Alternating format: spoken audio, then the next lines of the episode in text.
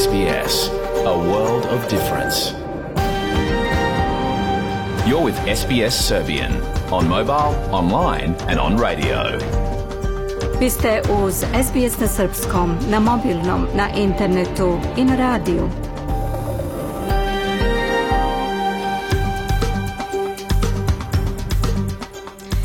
SBS odaje priznanje tradicionalnim vlasnicima zemlje sa koje danas emitujemo program na srpskom. Ovim izražavamo poštovanje prema narodu Vuranđeriva i Vurung, pripadnicima nacije Kulin i njihovim prošlim i sadašnjim starešinama. Takođe odajemo priznanje tradicionalnim vlasnicima zemlje iz svih aboriđinskih naroda i naroda sa ostrava iz Toresovog Moreuza, na čijoj zemlji slušate program. Dobar dan! Danas je ponedeljak 15. januar 2023. prema julijanskom kalendaru kojeg se pridržavaju vernici Srpske pravoslavne crkve psima koji slave, odnosno koji su slavili, želimo srećnu novu godinu. Ja sam Biljana Ristić, a u današnjem programu posle vesti reći ćemo više o izborima na Tajvanu. Ranislav Nikolić donosi izveštaj sa prijema koji je ministar spoljnih poslova Srbije organizovao za strane diplomate, a danas je ekskluzivan intervju sa ambasadorom Srbije u Kamberi, gospodinom Raditom Stefanovićem. Ostanite sa nama do 16 časova. Sledi pregled vesti.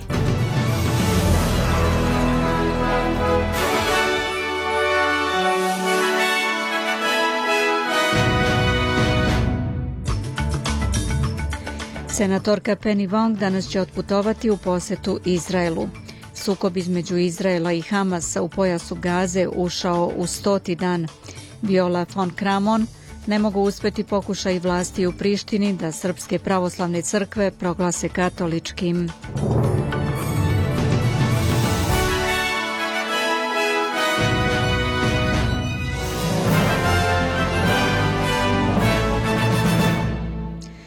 Premijer Antoni Albanizi kaže da će Australijanci sa visokim prihodima i dalje imati pravo na smanjenje poreza, iako je vlada i dalje posvećena tome da umanji nejednakosti. Premijer je potvrdio da će kontroverzna treća faza smanjenja poreza, prema kojoj će ljudi koji najviše zarađuju imati najveće dobitke, stupiti na snagu od 1. jula. Paket političkih smernica koje je uvela bivša koalicijana vlada će ukinuti takozvane razrede od 32,5% i 37% i uvesti jedinstveni razred od 30% za prihode između 45 i 1000 i 200.000 dolara. The stage three tax cuts is about giving some of your money back to you. It's very easy to get a surplus when I just Lider nacionalista Barnaby Joyce rekao je za Kanal 7 da Albanizijeva vlada ne bi trebalo da menja političke smernice koje nije pominjala u svojoj predizbornoj kampanji 2022. Albanizi rekao za ABC da je smanjenje poreza skrojeno u inflatorne smernice i da će laburisti nastaviti da razmatraju mere kako bi pomogli australijancima koji se suočavaju sa poteškoćama u oči saveznog budžeta. A senatorka Penny Wong danas će otputovati u posetu Izraelu. Biće to prva zvanična poseta na visokom nivou od Hamasovih napada na Izrael 7. oktobra.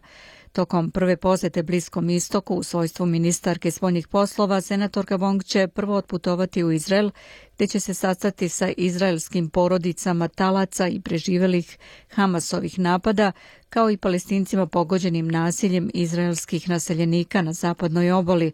Posle toga putuje u Jordan, okupirane palestinske teritorije i Ujedinjene Arapske Emirate, sve tokom ove nedelje. Govoreći u Adelaidi pre svog odlaska, ministarka spoljnih poslova je odbacila pitanje zašto ne posećuje mesta masakra koje su počinili militanti Hamasa kao što su to činili drugi lideri.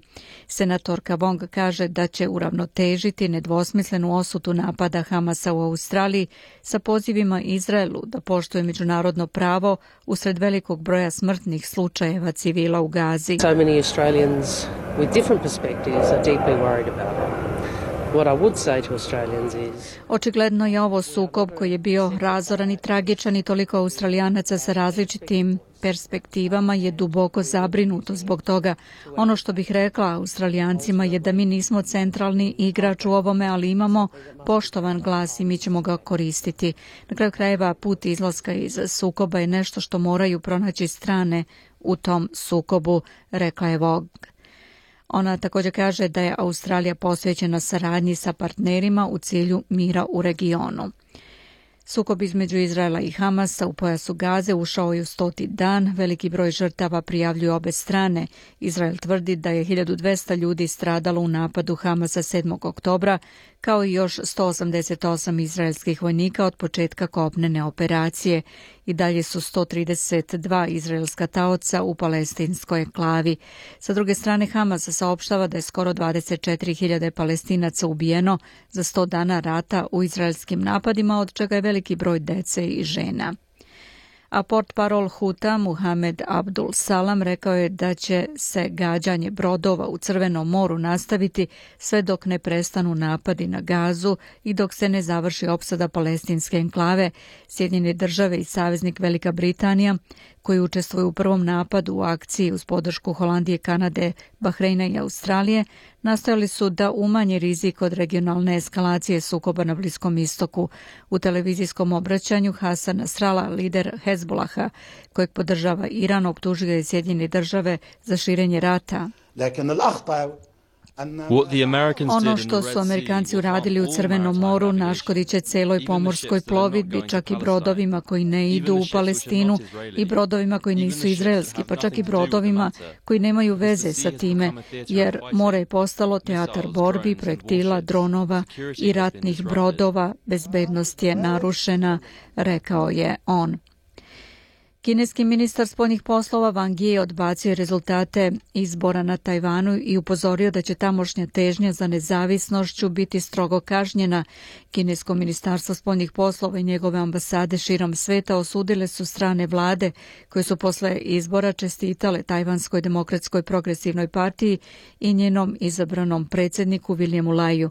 Kina koja se nikad nije odrekla upotrebe sile da bi Tajvan stavila pod svoju kontrolu, strahuje da bi Laj mogao da proglasi osnivanje Republike Tajvan, iako je on rekao da neće. Van kaže da je Kina uložila zvaničnu diplomatsku žalbu nakon što je američka državni sekretar Anthony Blinken poslao novo izabranom predsjedniku Tajvana poruku za čestitkama zbog izbornog rezultata.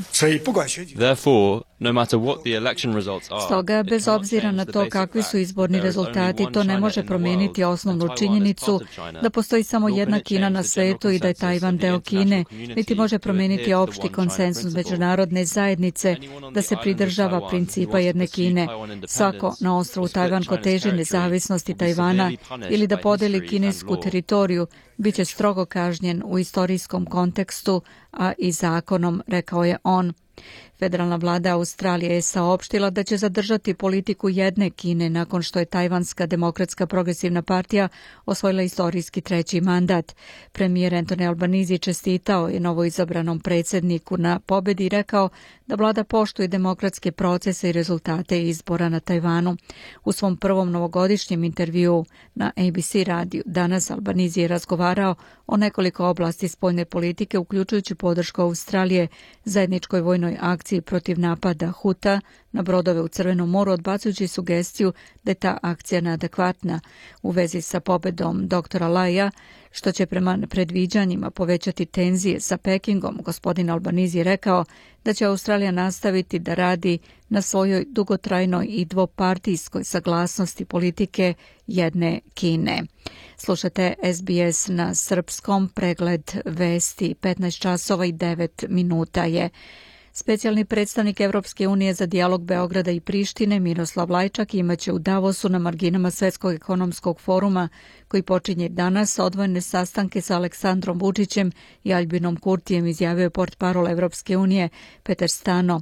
On je za Tanjug rekao da neće biti nikakvog zajedničkog trilateralnog sastanka u okviru dijaloga, uključujući sastanak na visokom nivou a poslanica Europskog parlamenta i stalni izvestilac za Kosovo Viola Forkramon izjavila je da ne mogu da uspeju pokušaju vlasti u Prištini da srpske pravoslavne crkve proglase katoličkim pozivajući ih na razum i racionalizam prenosi radiotelevizija Srbije. Mislim da izjave ove vrste govore same za sebe. Ako želite ponovo da prepravljate istoriju, možete, ali nećete biti mnogo uspešni. Mislim da imate sve potrebne dokaze da ovo proglasite Srpskom pravoslavnom crkvom. Naravno, u Nemačkoj možete da kažete da su sve protestantske crkve nekada bile katoličke. Većina njih je sagrađena pre nego što je nastao protestantizam. Ali tako ovde nije. Apelujem na racionalne i razumne ljude da tu činjenicu ne dovode u pitanje. Viola von Kramon se nakon podnošenja izveštaja Evropskom parlamentu, a pred istak mandata, nekoliko dana nalazi u poseti Kosovu i Metohiji. Umeđu vremenu ministar spoljnih poslova Srbije Ivica Dačić ocenio je sinoć da je potrebno da se jasno kaže da li je Kosovo i Metohija nacionalni projekat ili nije i poručuje da je važno da Srpska pravoslavna crkva ostvaruje veze sa Vatikanom jer je, kako je naveo, to interesu Srbije. Dačić je posjetio da Kosovo već neko vreme ostvaruje neformalne veze sa Vatikanom. Da li nam je bitno da Vatikan prizna Kosovo ili nije, da li ćemo nešto raditi ili ćemo i dalje biti u nekim rovovima koji nam nisu praktični, Nama je u interesu da papa bude na našoj strani kao što je bio oko Stepinca, rekao je Dačić i naglasio da nije jednostavno da li će Vatikan priznati Kosovo ili neće, jer se zna koliki deo sveta je pod uticajem Vatikana. Dačić je to rekao gostujući na televiziji Pink, gde je govorio i o naoružavanju Kosova raketama Javelin, što je, kako je naglasio, suprotno rezoluciji 1244 i potez koji ne doprinosi miru, koji je štetan i kontraproduktivan kako je rekao. Na sednici Državnog saveta u paleti Christiansborg u Kopenhagenu, kojoj je prisustala i premijerka Mette Frendiksen, danska kraljica Margarete II potpisala je čin abdikacije, a njen stari sin Frederik proglašen je za novog kralja. Frederik X i njegova supruga, kraljica Mary, tradicionalno su se nakon toga pojavili na balkonu palate. Kraljica Mary je rođena u Hobartu u Australiji pod devojačkim imenom Mary Donaldson. Pogledamo i kolika je vrednost australijskog dolara danas. Prema američkom vredi 67 centi, 61 euro cent, 53 britanska penija i 71 srpski dinar 49 para. Na kraju vesti da pogledamo i vremensku prognozu do kraja dana po većim gradovima. U Pertu je sunčano za 32, delimično oblačno popodne u Adelaidi 33, Melbourne sunčano vreme 29, sunčano je i u Hobartu 23, u Kamberi oblačno 20, u Sidneju oblačno i vetrovito 22, kiša sa grmljavinom u Brisbaneu 28 i slično vreme u Darwinu 29, u Beogradu tokom dana oblačno do 5 stepeni. Slušali ste pregled vesti na srpskom. Za sve najnovije posetite sbs.com.au kosacrta news.